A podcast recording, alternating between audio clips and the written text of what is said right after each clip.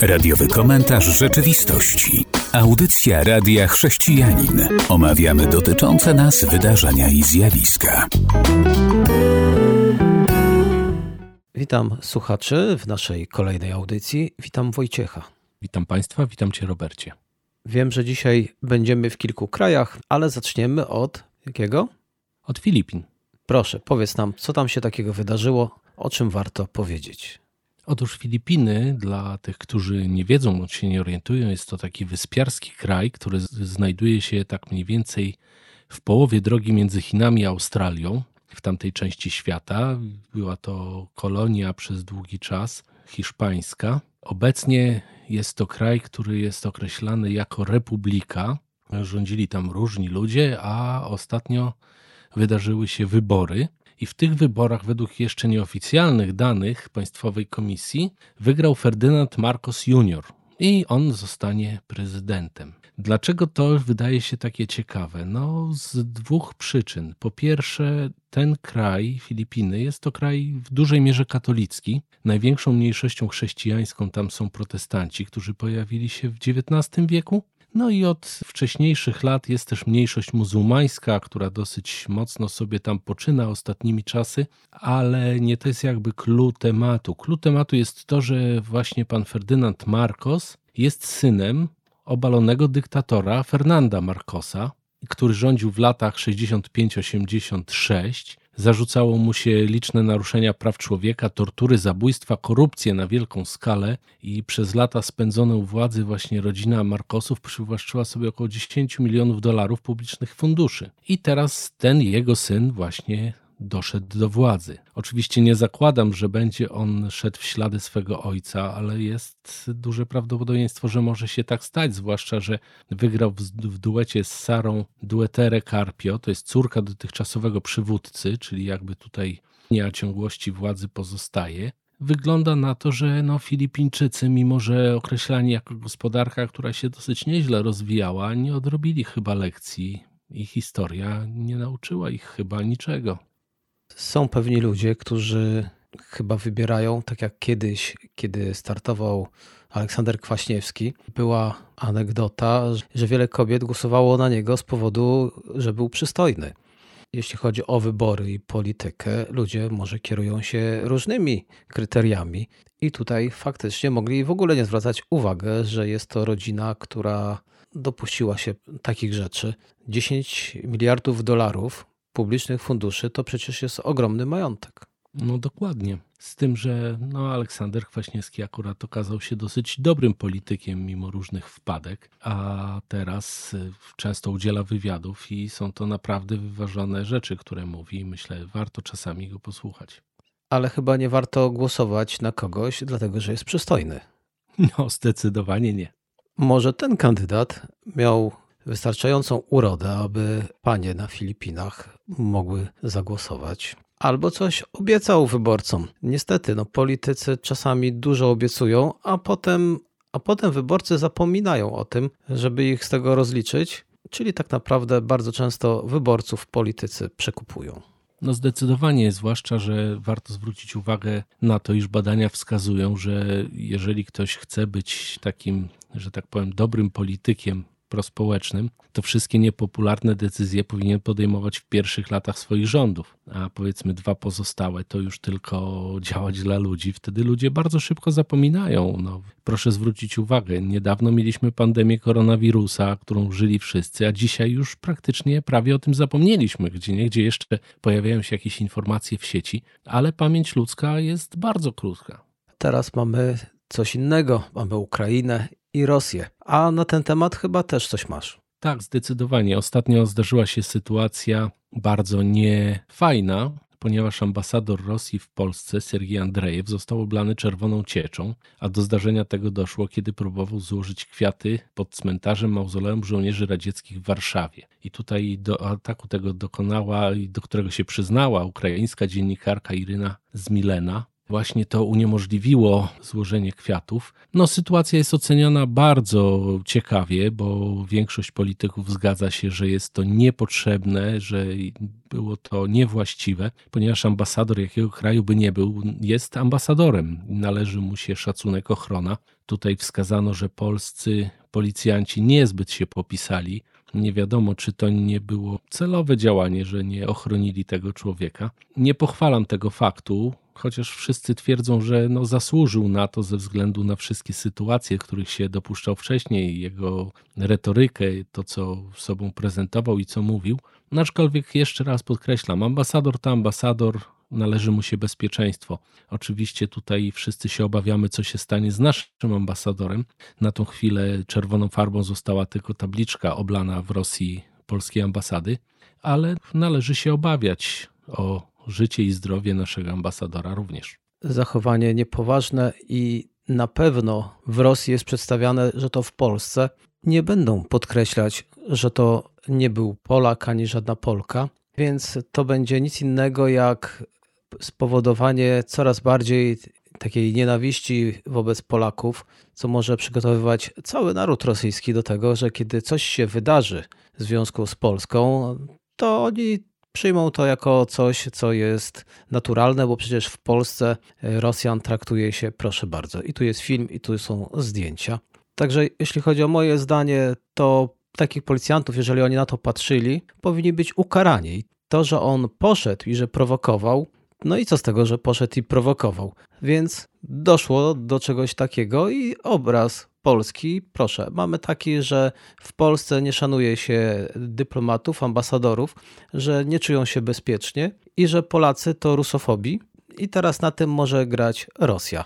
Więc nie wiem, co dalej zrobi Polska. Uważam, że powinni przeprosić, tak jak słyszałem, że Rosja tego oczekuje. Oczywiście, że powinni przeprosić za to, że nie dopilnowali, a to, że my go nie lubimy, a to, że mu się może należało, to to jest całkiem inna historia. No dokładnie, tutaj jeden z analityków powiedział, że Polska popełniła, jeżeli chodzi o ambasadora w Rosji, popełniła jeden bardzo poważny błąd. Mianowicie trzeba było na początku konfliktu zbrojnego wezwać naszego ambasadora na konsultacje. To jest coś takiego, że każdy rząd ma prawo wezwać swojego ambasadora. On oczywiście nie jest wycofany z obiegu, jakby nie są zerwane relacje, natomiast konsultacje kraj ma prawo przeprowadzić i wtedy kraj, w którym ten ambasador się znajdował, ma obowiązek wezwać swego ambasadora na takie konsultacje i dopóki nie wróci nasz, tamten nie może wracać. To właśnie ten analityk stwierdził, że to był bardzo poważny błąd, znając pana ambasadora Rosji. Trzeba było zapobiegawczo odwołać naszego, i ten musiałby też opuścić Polskę. Nie miałby podstaw do robienia takich fikołków i różnych niepotrzebnych komentarzy. No ale stało się co stało. Zgadzam się, powinniśmy przeprosić, bo w tej sytuacji należy to zrobić. Powinni przeprosić i to jeszcze tego samego dnia. Wtedy nie byłoby takiego zamieszania. A tak to się mleko rozlało jak co widać po zachowaniach odnośnie naszej ambasady w Rosji. Więc tutaj e, rządzący się jakoś chyba pogubili. Dobrze, ja zapraszam już na przerwę muzyczną. Teraz posłuchamy piosenki. Radiowy komentarz rzeczywistości. Wysłuchaliśmy utworu muzycznego i powracamy już do wiadomości ze świata. Przenieśmy się na chwilę do Kanady, Stamtąd płynie informacja o tym, jak to rząd prowadzi otwartą wojnę przeciwko religii. Tak uważa jedna z parlamentarzystek. Jedyną religią, jaką uznają władze Kanady, jest LGBT, zwraca uwagę. I potępia wytyczne Ministerstwa Obrony Narodowej, która dyskryminuje kapelanów wojskowych, którzy mają inne zdanie odnośnie tej ideologii. Więc tegoroczna kandydatka na przywódcę partii konserwatywnej, Leslie Louis skrytykowała działania Trudeau, o którym teraz też było troszkę głośniej, bo on również odwiedził Ukrainę. Zapewne też to zauważyłeś. No tak, zdecydowanie słyszałem o tym. No i w związku z tym chciałbym powiedzieć, że Kanada faktycznie no, ciągle czymś nas zaskakuje. W tym kraju, jako dowód takich dziwnych praktyk, to są kanadyjskie więzienia żeńskie, które otwierają się teraz dla mężczyzn. Co to oznacza? O tej decyzji władz kanadyjskich poinformował portal Live Site News. W Kanadzie biologiczni mężczyźni którzy uważają się za kobiety, mogą teraz oficjalnie zostać przeniesieni z więzienia dla mężczyzn do więzienia dla kobiet, jeśli o to poproszą.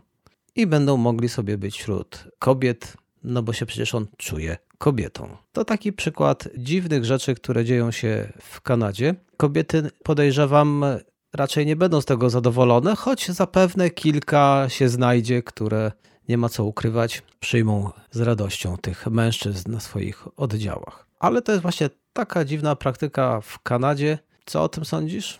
No, nawet trudno to skomentować w jakiś logiczny sposób. Nawet nie da się chyba tego rozsądnie obronić. No, ja w ogóle widzę taką sytuację, że w tych krajach rozwiniętych, można powiedzieć, to więźniowie mają tyle praw, których nie mają zwykli ludzie czasami, żyjący bardzo skromnie albo wręcz w biedzie, a tacy siedzący w więzieniu, którzy w mojej ocenie są to ludzie, którzy wybrali sobie taką drogę, robiąc jakieś przestępstwo, powinni się liczyć z tym, że będą pozbawieni praw publicznych, a nie wysuwali żądania jakieś, w dodatku takie dziwne, no ale cóż, no, Kanadyjczycy odpowiadają za to przed swoim narodem. Oni podejmują decyzje. Myślę, że naród, widząc takie rzeczy, też nie będzie zadowolony i no niestety demokracja rządzi się swoimi prawami. I szkoda również, e, że kapelani mają problem, bo jeżeli kapelan właśnie tu powie, że kobieta to kobieta, mężczyzna to mężczyzna, no to też może stracić zajęcie więc teraz doradcy ministra będą debatować, co zrobić z kapelanami. Wszystko na to wskazuje, że kapelani przeciwni LGBT zostaną wykluczeni z wojska. Śmieszna sytuacja. No, nie wiem, czy Kanada ma jakieś podpisane traktaty z kościołami różnego rodzaju. Trzeba by było tutaj temat zgłębić. No, sytuacja dziwna, naprawdę dziwna. Tak, no bo już nie ma wolności religii, no nie ma też wolności słowa. No już teraz ktoś boi się powiedzieć, co myśli. Kiedy jest oczywiście osobą życzliwą i pewnie miłującą wszystkich, no ale jak powie, co myśli, no to może to nie być pomyśli rządu. No i co się będzie działo? No, będą kłopoty. Dobrze, to co tam Wojciechu jeszcze możemy omówić? No tutaj trafiłem na bardzo ciekawy artykuł na temat patriarchy Cyryla. Otóż artykuł był bardzo ciekawie zainteresowany. Święci pociski Putina żyje w luksusie, kim jest patriarcha Cyryl. Jak się okazuje, ten 75-letni mężczyzna, którego świeckie imię brzmi Władimir Michajłowicz Gundajew, sprawił, że prawosławie stało się taką polityczno-religijną maszyną na usługach Kremla. On zna się z Putinem jeszcze od czasów Sankt Petersburga, gdzie właśnie został za czasów Jelcyna wręcz wyciągnięty, pewnie z podpowiedzią Putina, wyciągnięty do tych godności, w których jest teraz. I oczywiście no, jego wypowiedzi wszyscy znamy, są bardzo kontrowersyjne, chociażby to, że niesamowite, kiedy wielki i potężny kraj, to jest cytat, nikogo nie zaatakował, tylko broni swoich granic. My nie chcemy walczyć z nikim. Rosja nigdy nikogo nie zaatakowała. No to tak się dzieje właśnie, natomiast tygodnik niemiecki Bild przebadał życie tego pana i stwierdził, że właśnie za czasów Borysa Jelcyna, jeszcze jako metropolita smoleński kaliningradzki, uzyskał przywilej bezsłowego sprowadzania alkoholu i papierosów. I tutaj rosyjski kościół ortodoksyjny i prywatna fundacja Cyryla Nika stały się czołowymi importerami papierosów w Rosji. No i otwiera nam się w sposób bardzo jasny tutaj widok, kim tak naprawdę jest ten pan. No, wiara to już dla niego podejrzewam przestała istnieć, pojawiły się tylko biznesy. Trudno się dziwić, że obserwujemy to, co obserwujemy, a zwłaszcza, że wszyscy zaufani Putina teraz nawet mają obowiązek, tam z FSB, z tego co słuchałem ostatnio takiej relacji, oni wręcz mają obowiązek przed każdą akcją udać się do cerkwi, która jest zorganizowana przy siedzibie FSB na Ubiance, byłego KGB, i tam właśnie przedstawiciele Kościoła ortodoksyjnego odprawiają msze, można powiedzieć, w intencji tego, żeby udały się te wszystkie akcje, które FSB prowadzi. Jest to jasne już teraz, dlaczego Cyryl robi to, co robi. To nie jest kwestia, że on w to wierzy, to nie jest kwestia, że on się boi tutaj Putina. Znaczy, może się boi, że straci wpływy, to tak, ale jeżeli widzimy, że to jest biznes, który jest jasny i no nie wiem, wydaje mi się, że Kościół nie powinien robić takich rzeczy jak sprowadzanie papierosów i alkoholu. No to się chyba kłóci w sposób jasny.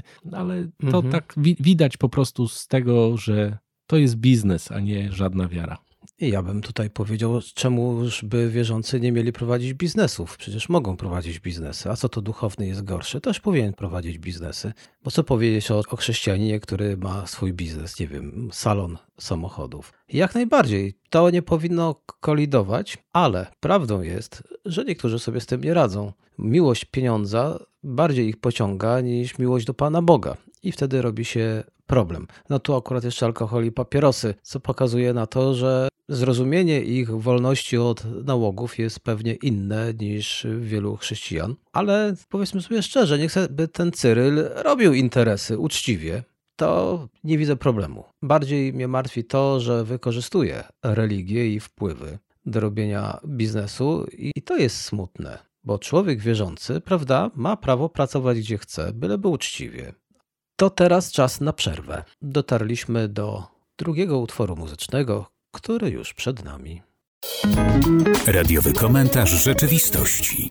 Powracamy, aby naszym słuchaczom jeszcze przybliżyć pewne wątki z tego, co się dzieje na świecie i nasze refleksje. Od razu chcę powiedzieć, że każdy ze słuchających może nam wysłać jakiś link, a niewykluczone, że właśnie tą wiadomością nadesłaną również się zajmiemy w kolejnej audycji. A teraz chciałbym, abyśmy zajrzeli do Chin. Chiny duży kraj, dużo się o Chinach mówi, ale nie mówi się o pewnych rzeczach tak głośno, o których my tu chcemy wspominać. Nie wiem, czy słyszałeś, że Chiny zachowały się dosyć agresywnie, jeśli chodzi o Australię, bo ich okręt pojawił się na pewnych to wodach, czyli bardzo blisko linii brzegowej, no i służby australijskie śledziły poczynania. Co by te Chiny chciały zrobić, się pewnie zastanawiali. Słyszałeś o tym?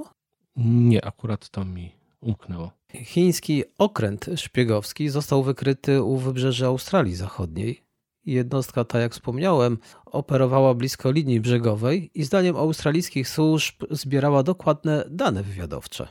Minister wyjaśnił, że chiński okręt szpiegowski był śledzony od około tygodnia i dodał, że jednostka dopłynęła tam gdzieś do określonego miejsca, po czym zawróciła, ale w związku z tym mówimy o wojnie, jaka jest na Ukrainie, a nie dostrzegamy, że cały czas trwa wojna Chin na wielu frontach. Nie tylko, jak widać, gospodarcza, ale tu widać już okręty gdzieś ruszyły. Dlaczego mnie to nie dziwi? Bo od lat wiem, że Chiny mają chrapkę na wszystkich i na wszystkie kraje, a nasz kraj jest bardzo otwarty na wpływy chińskie. Zauważyłeś, że już w Polsce stają budki takie czerwone pewnej to firmy chińskiej? Znaczy akurat y, tych budek nie, może nie zauważyłem, y, może gdybyś podał nazwę, to bym skojarzył, na razie nie kojarzę. Natomiast powiem tak, no oczywiście Chiny swego czasu, jeszcze przed rozpoczęciem konfliktu na Ukrainie, chciały poprowadzić nowy jedwabny szlak, który miał między innymi przebiegać przez Polskę te informacje były, może nie były szczególnie eksponowane, ponieważ to dyplomacja, natomiast właśnie to akurat by się naszemu krajowi gospodarczo bardzo przysłużyło. No, kwestia oczywiście odpowiednich umów, bo wiadomo, że Chińczycy to pod rządami komunistycznymi stały się bardzo specyficznym krajem. Wiadomo, że oni też oprócz towarów chcieliby eksportować pewnie komunizm, Chcieliby tutaj, żeby wszystkie kraje pod czerwonym sztandarem stanęły w jednym szeregu.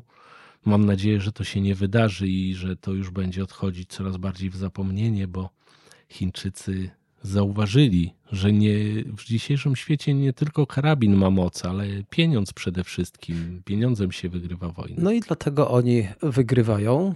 I to mnie dziwi, że Polacy ich zaprosili. Tutaj rząd musiał im pozwolić. Stawiają budki, będzie AliExpress, a Chiny jak najbardziej one toczą wciąż wojnę toczą wojnę, bo na przykład władze Chin zakazały pewnemu kościołowi i pewnie to się przeniesie na całość używania w internecie słowa Chrystus. I teraz chrześcijanie ci, którzy na ich nim serwisie społecznościowym WeChat nie mogą wpisać słowa Chrystus i kombinują, bo piszą na przykład bez jakiejś literki, wstawiając w środek gwiazdkę, żeby jakoś ominąć cenzurę, bo oświadczenie już jest, że słowo Chrystus, które próbujesz opublikować, narusza przepisy dotyczące internetowych zasobów informacyjnych i są podciągnięte do takich kategorii jak pornografia, hazard, nadużywanie narkotyków czy zakłócanie porządku publicznego. Czyli używanie słowa Chrystus i pisanie o nim są właśnie w tym worku.